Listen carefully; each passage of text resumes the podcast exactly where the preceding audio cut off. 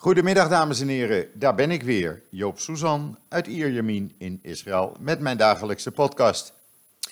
Ja, eh, overvol.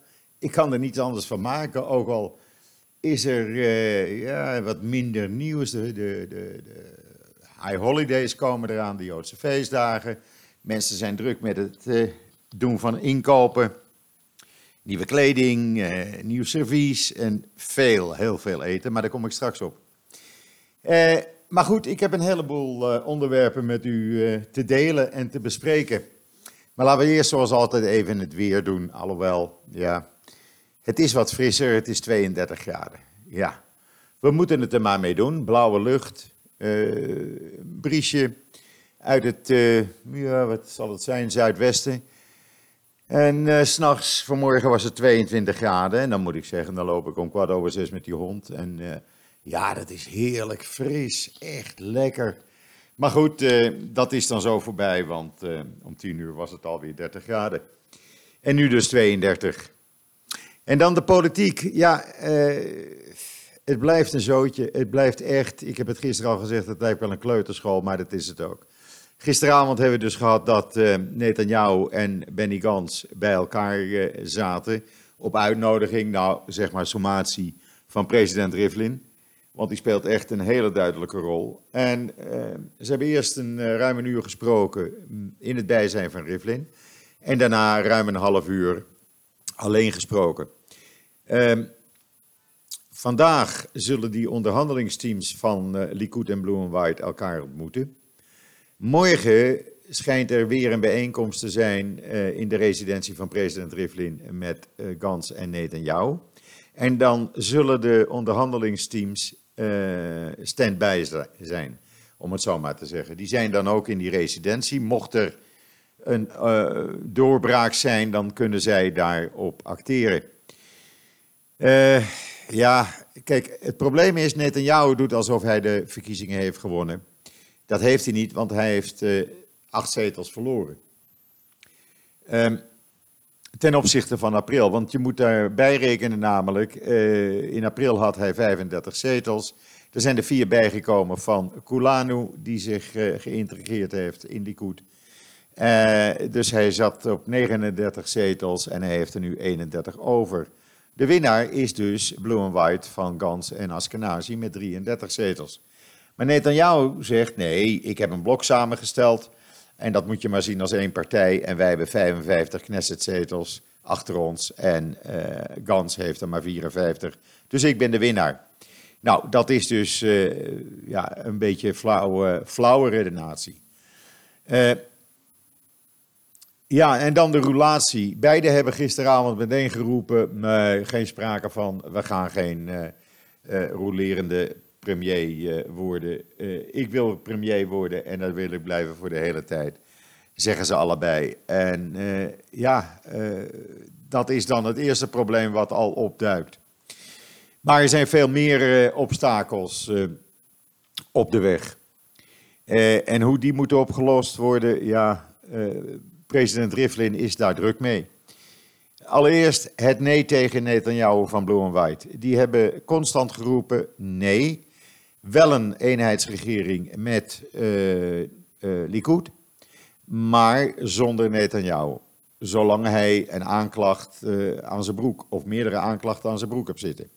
Nou, volgende week is die hoorzitting, dinsdag en, nee, woensdag en donderdag, 2 en 3 oktober. Afhankelijk daarvan gaat de procureur-generaal Mandelblit beslissen voor welke zaken Netanyahu wordt aangeklaagd en wanneer de eerste rechtszitting zal plaatsvinden. Eh, iedereen is het over eens, over eens in Israël dat hij minstens voor één of twee zaken wordt aangeklaagd. Dat betekent dus dat Blue and White, ja, die hebben dus nu dat excuus van zolang aanklachten boven hem hangen, gaan wij niet met hem eh, eh, als mogelijke premier in een regering zitten. En eh, ze zijn ook niet van, eh, van plan, Blue and White, om dit te gaan opgeven. Wie is er het eerste?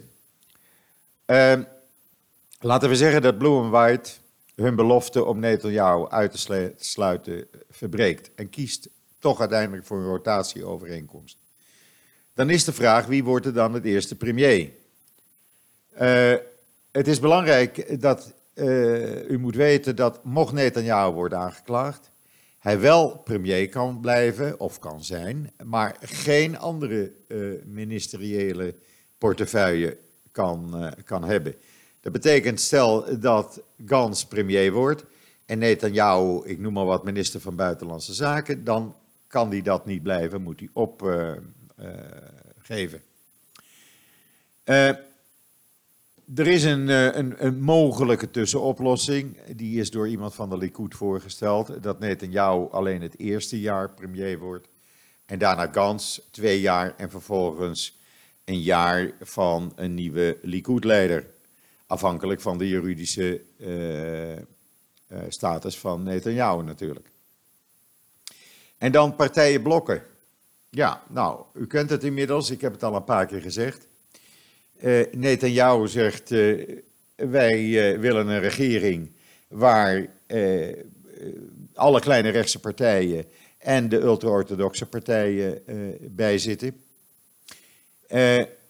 als hij zich daaraan vasthoudt, dan, ja, dan, dan komt er gewoon geen regering. daar, daar gaat niemand van uit.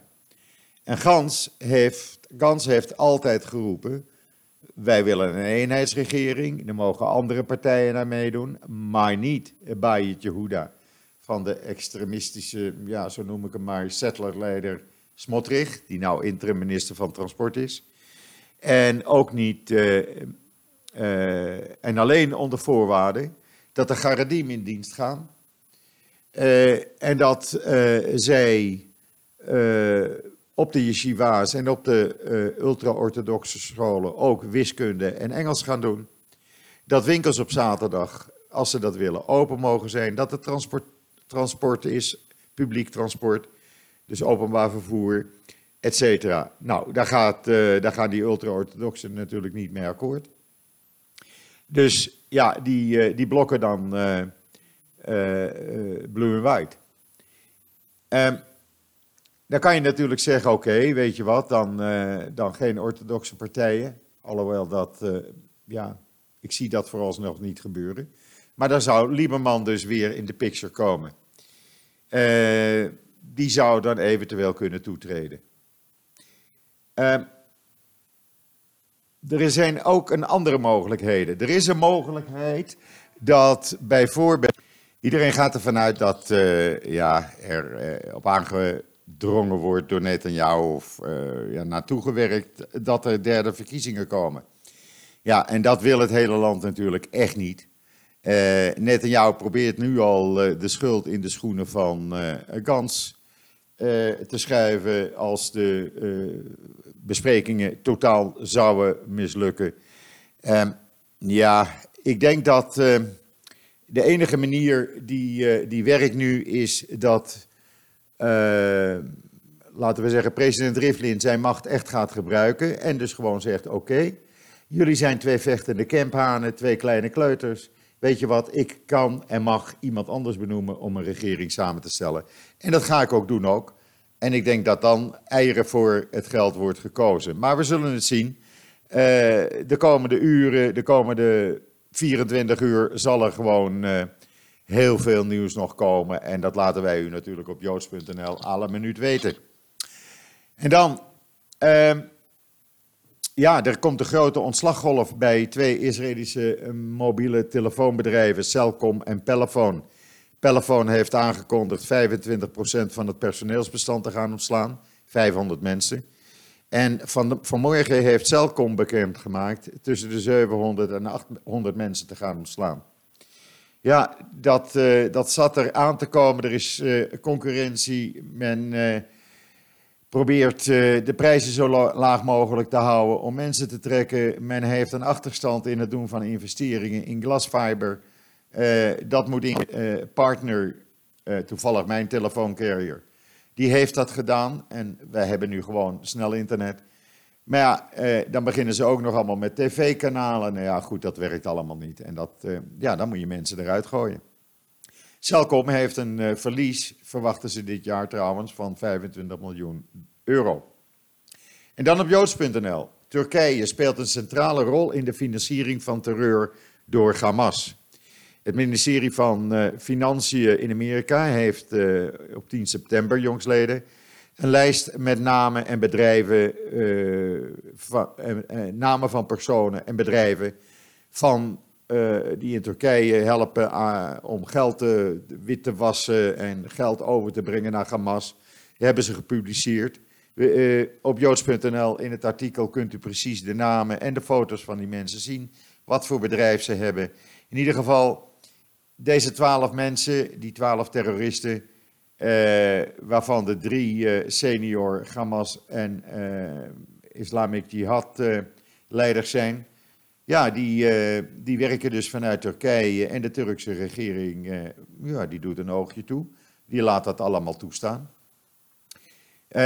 het gaat echt om, om tientallen miljoenen euro's wat zij uh, witwassen en, en uh, fondsenwerving doen. En nou ja, vanuit Turkije doen ze dat in heel Europa.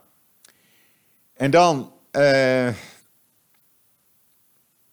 ja, laat, nou, oh ja, laat ik niet vergeten, op JoodsNL dus, leest u welke mensen er dus bij betrokken zijn. Dan hebben we meneer Abbas. Meneer Abbas zegt tegen het buitenland, wij vechten tegen terreur. Maar binnenskamers of binnenskamers in de Palestijnse gebieden zegt hij, ja, maar we vechten wel tegen terreur, maar we eren onze terroristen.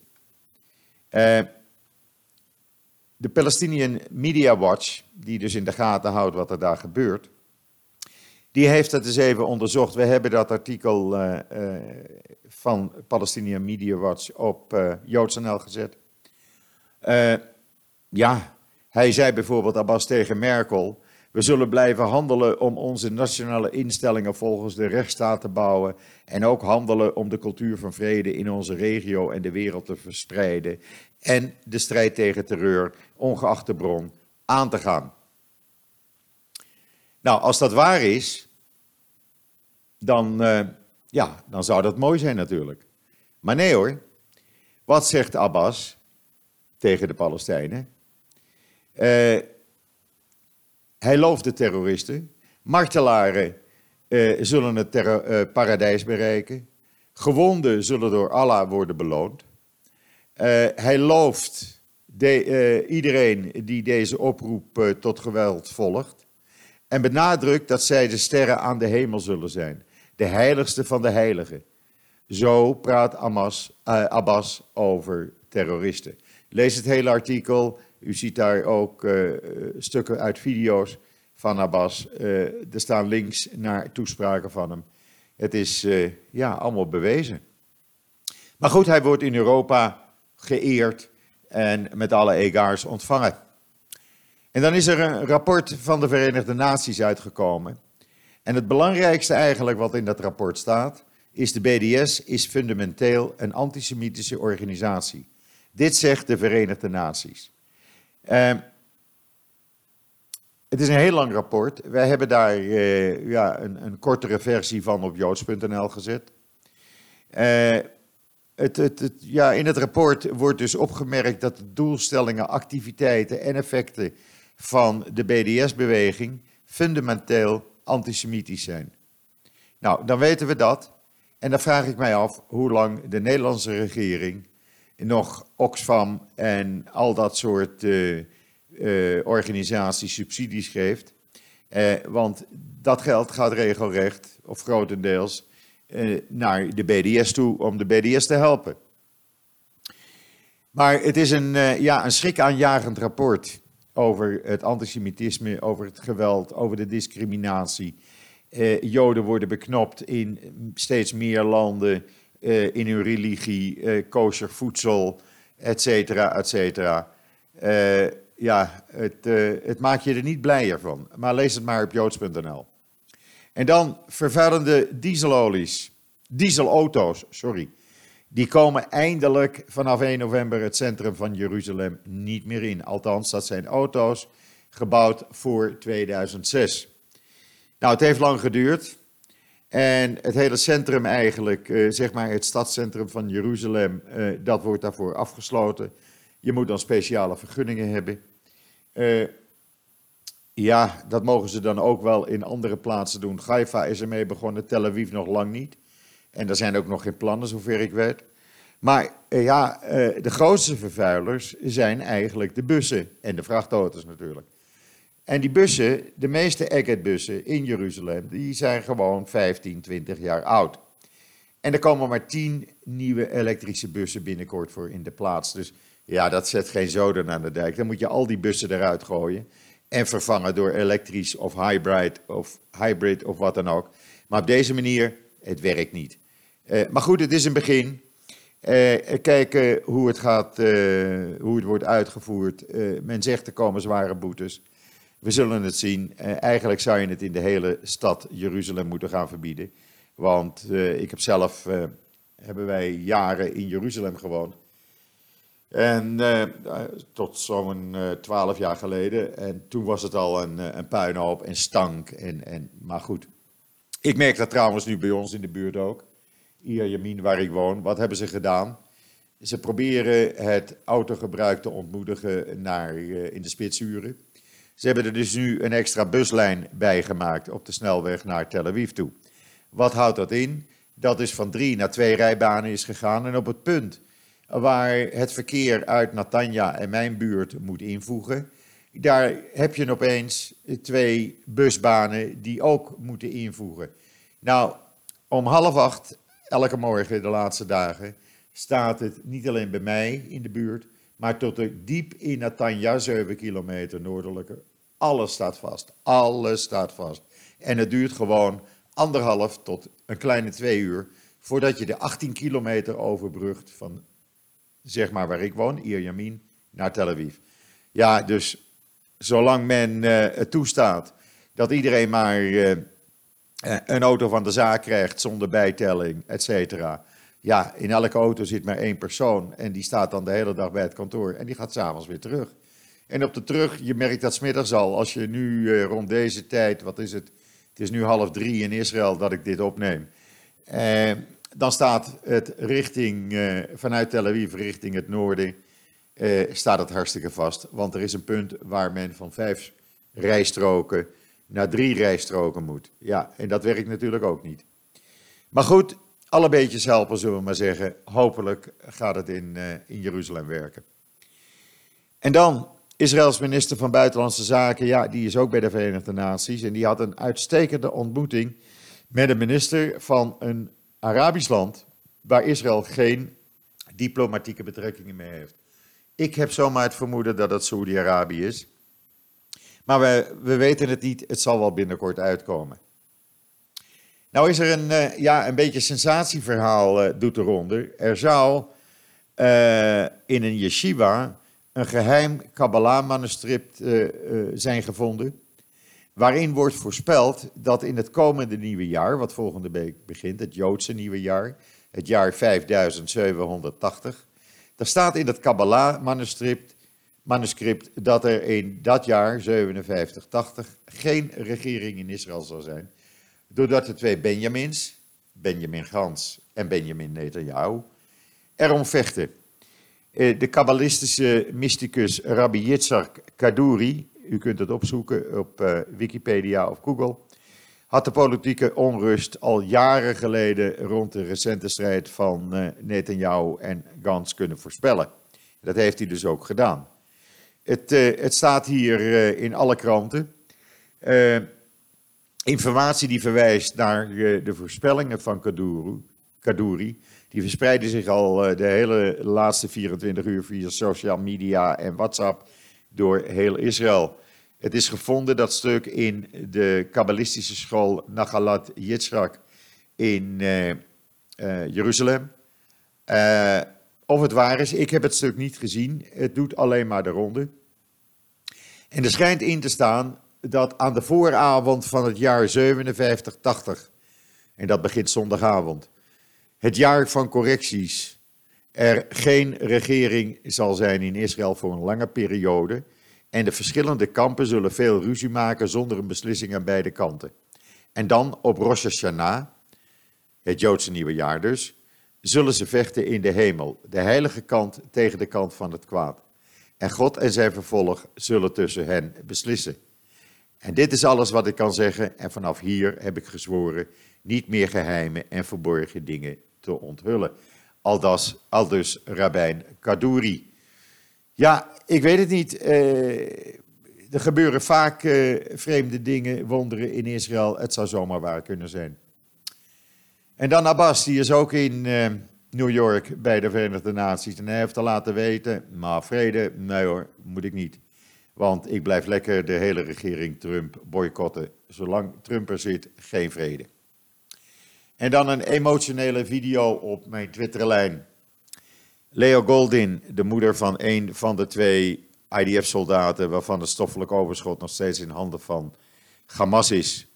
Die reist de hele wereld over al een, uh, ja, een aantal jaren om haar, het lichaam van haar zoon terug te krijgen.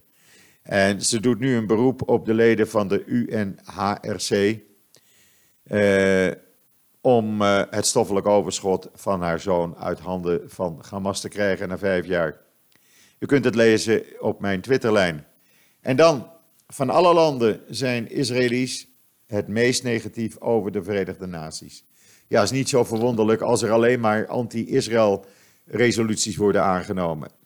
Uh, en ik heb al in mijn Twitterlijn gezien dat er ook veel mensen die mij volgen in Nederland ook geen voorstander van uh, de Verenigde Naties zijn. En dan heel bijzonder een chauffeur die Auschwitz overleefde en de dodenmars in Auschwitz heeft overleefd. Die is nu aangekomen in het Manhattan Museum of Jewish Heritage. U kunt het op mijn Twitterlijn lezen. En dan Jeremy Corbijn. Gisteren al hadden we een heel artikel op joods.nl. Nou, ze hebben het uh, record van anti-Israël moties uh, hebben ze uh, verbroken. Meer konden ze er niet verzinnen zoals ze nu hebben gedaan. Alles wat maar iets met Israël of Joden te maken heeft, is in de ban gedaan. En het gaat alleen nog maar om de Palestijnen. Ik, eh, ik huiver bij de gedachte dat deze man ooit, misschien al op korte termijn, premier van Engeland zal worden. Want dan is het te laat voor de Joden om Engeland nog te verlaten.